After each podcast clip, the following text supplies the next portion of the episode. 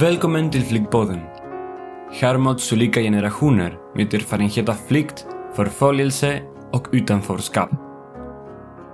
Jag heter Eduardo Flores González. Jag är född i Peru, Lima. och Flyttade till Sverige som 18-åring tillsammans med min mamma. I det här avsnittet möter jag Berulin Denise. Hon är 39 år gammal och barnbarn till Seifo-överlevare. Berulin är född i Sverige. Hon är mamma till två barn och bosatt i Södertälje. Jag möter henne i en lägenhet på Södermalm i Stockholm där vi tillsammans talar om tillhörighet och vikten av att minnas sin historia. Vi som är eh, ättlingar till eh, Seifo-överlevare, vi, vi känner ju att vi dels behöver hantera den historiska händelsen Seifo, men samtidigt så är det också, det är inte bara en historisk händelse, det är en pågående händelse, det är en samtida händelse. Vi brukar säga att, att Seifo tog aldrig slut. Folkmordet 1915 har inte tagit slut.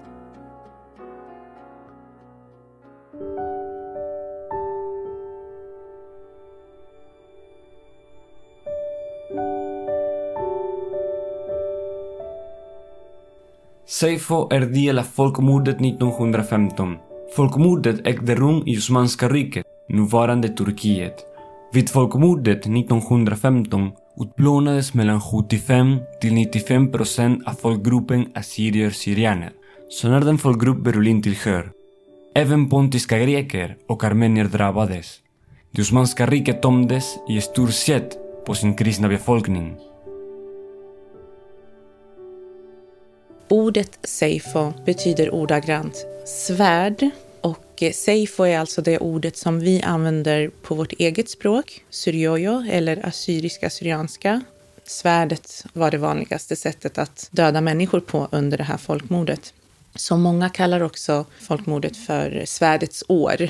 På ett sätt är det lite märkligt att ange det här årtalet för att folkmordet hade egentligen påbörjats 1915 är kulmen där dödandet blir så intensivt att det blir nästan en total utplåning. Men utrensningen, massakrerna, förföljelserna och dödandet hade eh, liksom påbörjats ett par decennier innan. Det, det varken börjar eller slutar 1915.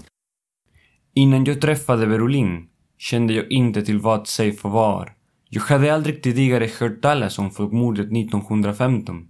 Det jag visste om assyrier-syrianer var främst det jag hade hört från nyhetsrapporteringar om kriget i Syrien och flyktingkrisen 2015.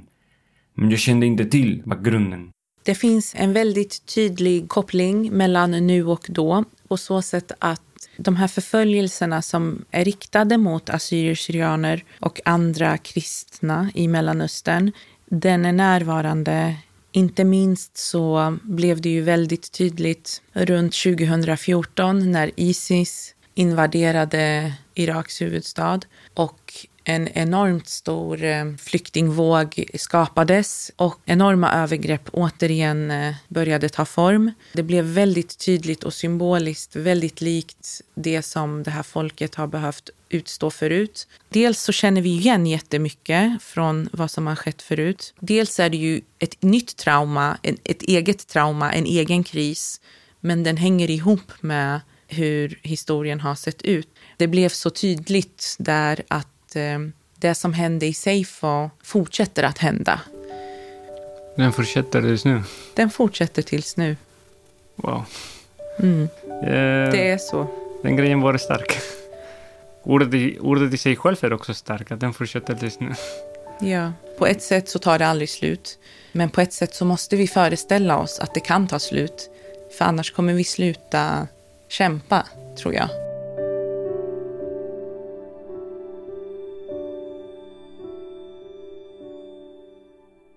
Kan vi säga att Seifo käkar dessa religiösa skäl?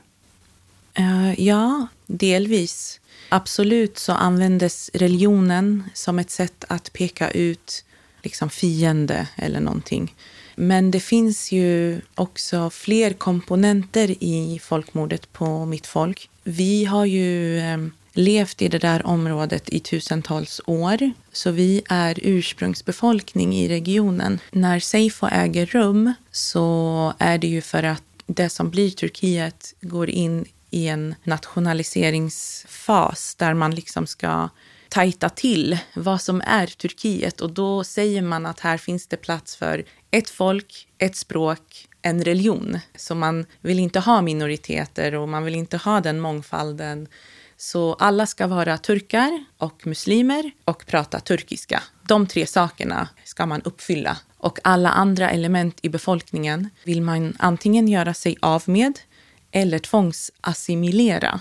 Och det har ju eh, min familj erfarit. Ett exempel på det är att eh, mitt efternamn, jag heter Denise i efternamn, det är inte ett namn som min släkt har hetat. Alltså det är inte deras eget namn, utan det är ett namn som turkiska staten tvingade den här familjen att heta och alla andra familjer fick turkiska efternamn. Så det är ett sätt att liksom få människor att glömma eller förtränga och förneka sin identitet. Så frågan var om Seifo ägde rum på grund av religiösa skäl och ja, det var en faktor, men det var inte den enda faktorn. I Peru och stora delar av Latinamerika pågår korruption från de politiska partierna. Det har skapat stora klasskillnader och hög procent av brottslighet, vilket gör länderna svåra att leva i. Jag föddes under president Fujimoris diktatur.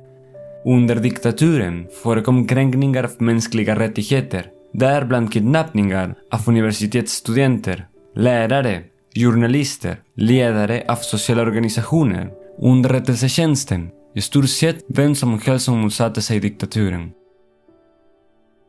Min mormor arbetade som sjuksköterska. När hon var på väg hem från jobbet blev hon bortförd av terrorister.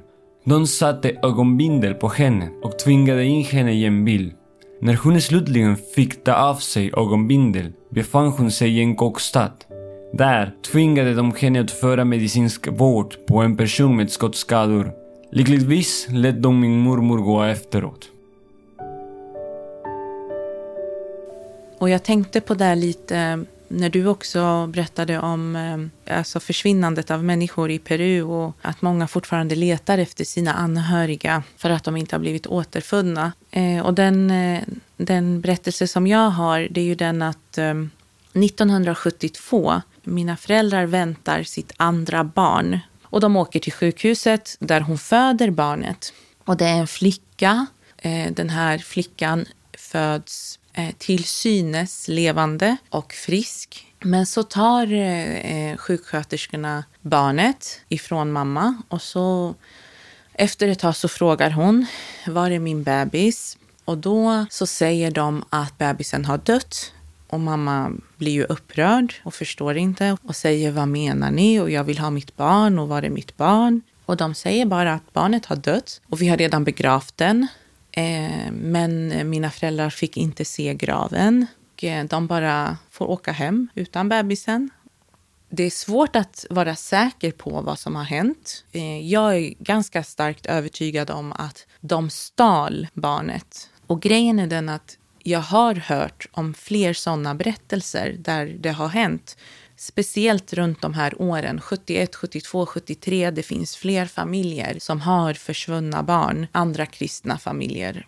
Men oavsett vad som har hänt så, så är jag säker på att det som hände, liksom min mamma där, mina föräldrar, den behandlingen de fick hade inte varit möjlig om inte Seifo hade ägt rum det finns en koppling. Att bli behandlad så, det hade, det hade mina föräldrar inte blivit om det inte vore för Seifo. Om det inte vore för hur den typen av förtryck fortsätter leva. Att förlora en bror, en syster, någonting som du älskar mycket, det är jättehemskt. Någonting som borde inte hända. Personligen, jag har nästan förlorat min bror. Mm. Det var några som försökte råna min bror. Oj, oj, oj. Och i Peru, man borde inte försvara sig själv när man blir rånad. För det finns många som kommer med vapen, ja. eller som, som kan till och med döda dig om de vill. Mm. Så min bror försvarade sig själv. Vi vet inte riktigt vad som hände, men vi som, vi, det som vi tänker det var att de tog någon sten eller någonting och eh, slog min bror i huvudet med det. Det. Det är hemskt. Jag älskar min bror så mycket. Så jag kan tänka mig också att missa, förlora eller att den här, din syster försvinner. Det är också jättehemskt. För de här två veckorna för mig, som min bror var på eh, intensivavdelningen, mm. eh, jag visste inte om min bror skulle leva eller inte. Det var ett helvete. Mm, eh, under den tiden när jag besökte min bror på intensivavdelningen min bror började röra sig med mig och jag tog hans hand och sen efter några minuter han stängde handen. Han tog min hand. Och det var den första rörelsen som han gjorde. Min bror började röra sig med mig. Men hur? Hur kan han röra sig med dig? min bror vaknade så småningom. Jag älskar min bror så mycket och jag, på något sätt, jag tänker fortfarande att han ska komma hit. Jag hoppas det. Tack så mycket. hoppas samma sak. Jag blev beviljad uppehållstillstånd i Sverige dagen innan jag fyllde 18 år. Min storebror var då 21 år och nekades. Jag beviljades möjlighet till ett annat liv, på en annan plats medan min bror bor kvar tillsammans med min pappa i Peru. Jag önskar att min bror var här med mig och jag har försökt på så många sätt.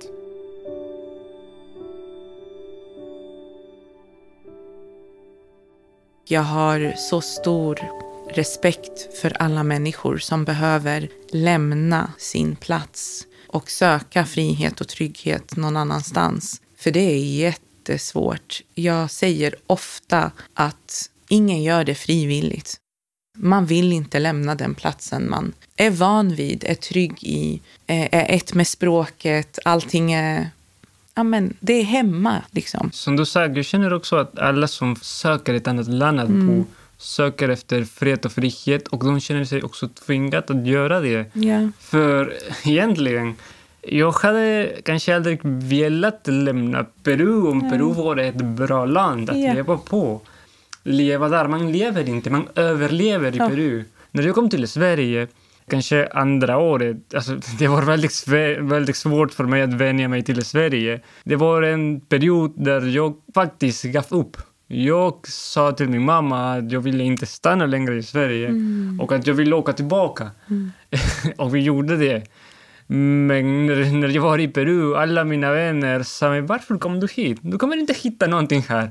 Alltså, du kommer leva bättre där, så åk, åk tillbaka. Och det var de som pushade mig igen för att komma hit, komma hit, komma tillbaka till Sverige mm. och försöka en gång till. Och sedan dess har jag stannat här. Och ja, jag känner personligen att det saknas en del av mitt liv för min bror är där. Hur det var för mig när jag var liten kan jag fortfarande berätta. Men det som har hänt på många platser i världen, som Seifo, saknas det nu förstahandskällor. Alla som upplevt det är döda. Jag frågade Berolin hur man bör tänka kring det. Ja, till viss del så kan man som eh, Seifo, alltså som ättling till Seifo-överlevare känna en enorm stress och press. För människor går ju ur tiden. Faktiskt så, jag brukar tänka på det ibland att varje gång som en eh, äldre släkting eller bara någon i communityt dör och lämnar jordelivet så tänker jag på det är också mycket kunskap som nu försvann. Och det är ju så, det finns inga direkta ögonvittnen kvar, men också de som kan föra vidare berättelsen blir färre och färre. Så man kan känna som en viss stress faktiskt. Det har också drivit mig lite i att börja dela den här berättelsen med fler, försöka nå ut med den på olika sätt. För man känner som ett slags ansvar. Jag tänker på alla som dog i Seifo så fruktansvärt och sorgligt och hemskt och vidrigt på alla sätt och vis. Men, eh, men också att de ska inte behöva dö förgäves. Mm. Och att vi som överlevde, då blev det våran uppgift att fortsätta sprida kunskapen, fortsätta berätta. Ibland är det tungt och jobbigt, men eh, man får försöka se det som en ynnest.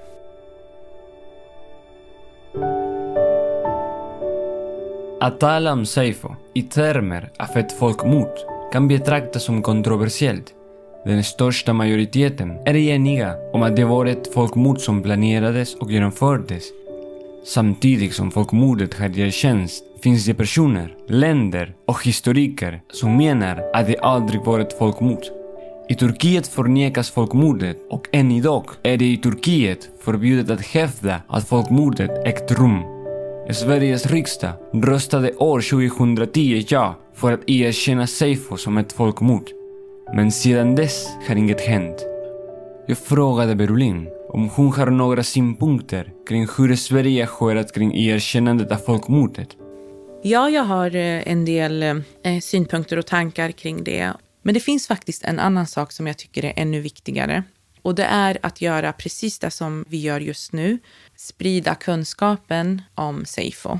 Fler människor måste veta att det har ägt rum och hur det påverkar människor idag. Och då behöver man veta vad hände. Så politik är jätteviktigt, men vi måste också tänka på vad kan vi göra i den sociala aspekten? Eller på vilket sätt är det också en social fråga och inte bara en politisk fråga? Och jag måste säga, att det här samtalet vi har här och nu är ju en del av det. Så ja. det gör mig väldigt glad att eh, jag och du sitter här just nu och eh, har det här samtalet. Det gör mig också glad. Jag tycker att det är intressant att kunna lära mig någonting nytt. För det här, det här är nytt för mig. Så jag tycker att det är väldigt intressant faktiskt.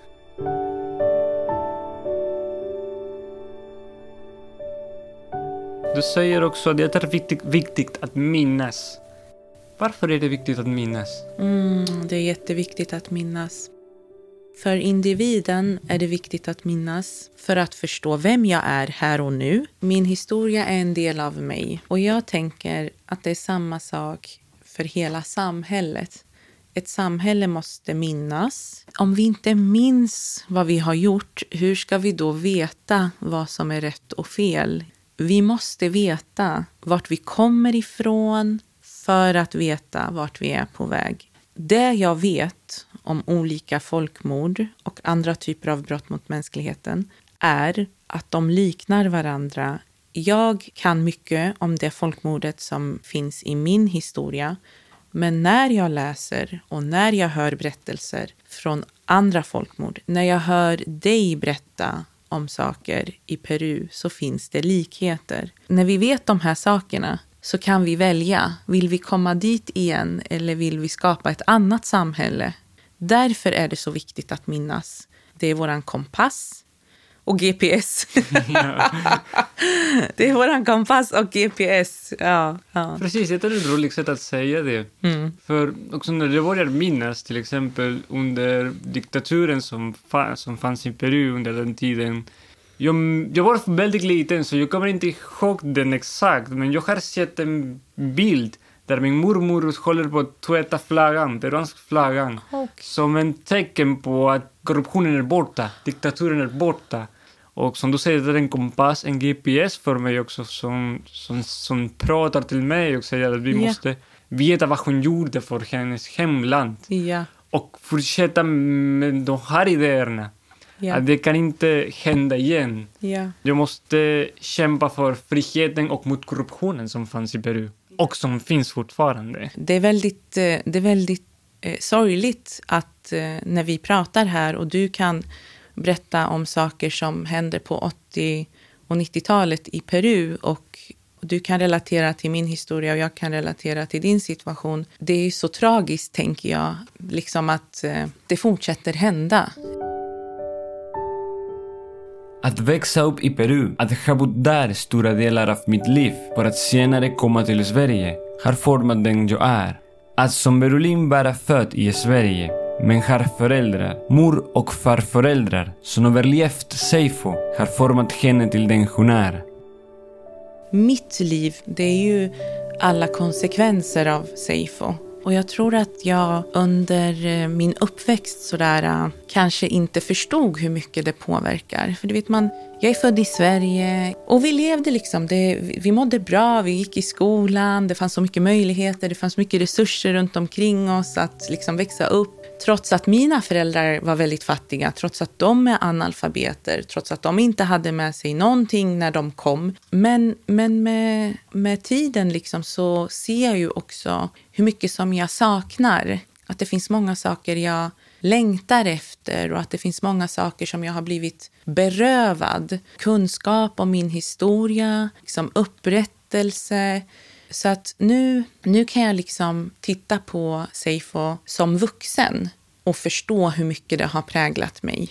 Och jag tänker framför allt på, jag känner att det saknas så mycket. Vi är inte kompletta. Liksom den, eh, en nation som eh, blir nästan utplånad blir så svag. Människor överlevde Seifo, men eh, vi blev så svaga som nation. Jag tycker att jag begriper ganska tydligare, väldigt tydligt faktiskt, det du menar. För jag kan tänka mig att rymma från sitt land och att, att lämna många saker bakom. Till och med saker som eh, förstörde, tog bort, brände. Exakt. Alltså att radera kulturen. Det Ja. är en del av personen, av, av folket. Jag gillar en citat från Björn Paddington faktiskt. Som förklarar lite om den här resan. Ja, det, det är någonting så här. Eh, Björn Paddington hade flyttat från landet och han hade åkt till UK.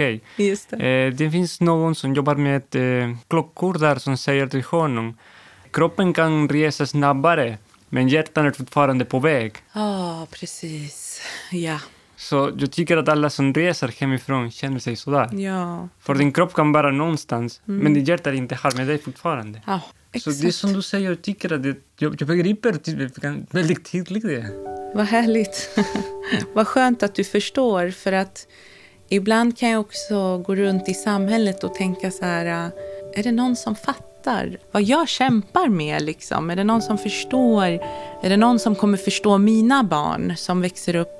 Jag har två små barn nu som är fem och åtta år. Och och de ska också växa upp. De ska förstå sig i Sverige och de måste också förstå hur mycket folkmordet har spelat roll i deras historia.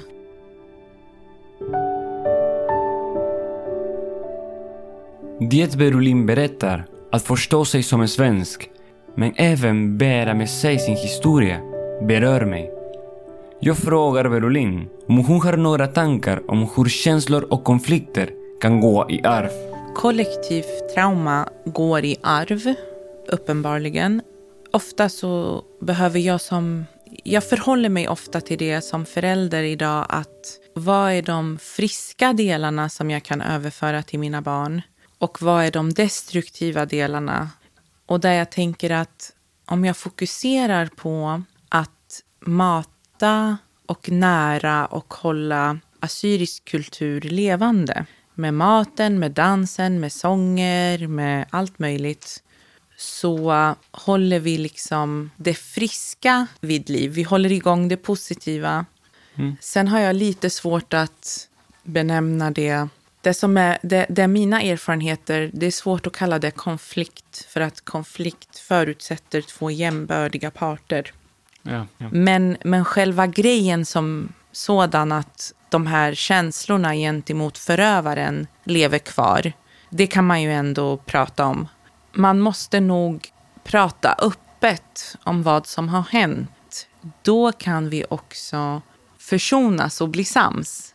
Alltså, jag säger förlåt, vi ångrar det här. Det var fel, det var hemskt. Men vi vill idag göra på ett annat sätt. Vi vill idag göra rätt. Men det är ju det som är lite svårt eh, när det kommer till just folkmordet 1915. Att förövarna erkänner inte. Ja, alltså, jag kan tänka mig det, för som du säger, att kunna ändra saker, att försonas. Kanske det första steget är att be om förlåt. Ja, Det är det första steget för att kunna ändra sakerna. exakt. Sen tänker jag att traumat som lever kvar, den eh, får man försöka bearbeta. Man får, jag använder mycket kulturen för att bygga mig och mina barn en stark identitet runt att vara assyrier idag. Vi är svenska assyrier, vi lever i Sverige, men, och jag vill att den ska vara fylld med positiva saker. Inte bara traumat. Därför att alla vill bli stolta av vad de är. Ja, dela med dig av din kunskap också. Att det- är positiva. Mm. Det, dina barn kommer också känna sig stolta över vad de är. Och jag tycker det är viktigt det där. Förstå sig själv. Det, det är viktigt. För det är ohyggliga saker som de ska behöva lyssna på. Ja, det är vidriga övergrepp helt enkelt. Mötet med Berolin har lärt mig hur viktigt det är att veta vår egna historia. Att veta vart vi kommer ifrån och vart vi ska. Genom att veta vår historia får vi se till att folkmord, terrorism, kidnappningar och försvinnande av massa människor inte händer igen.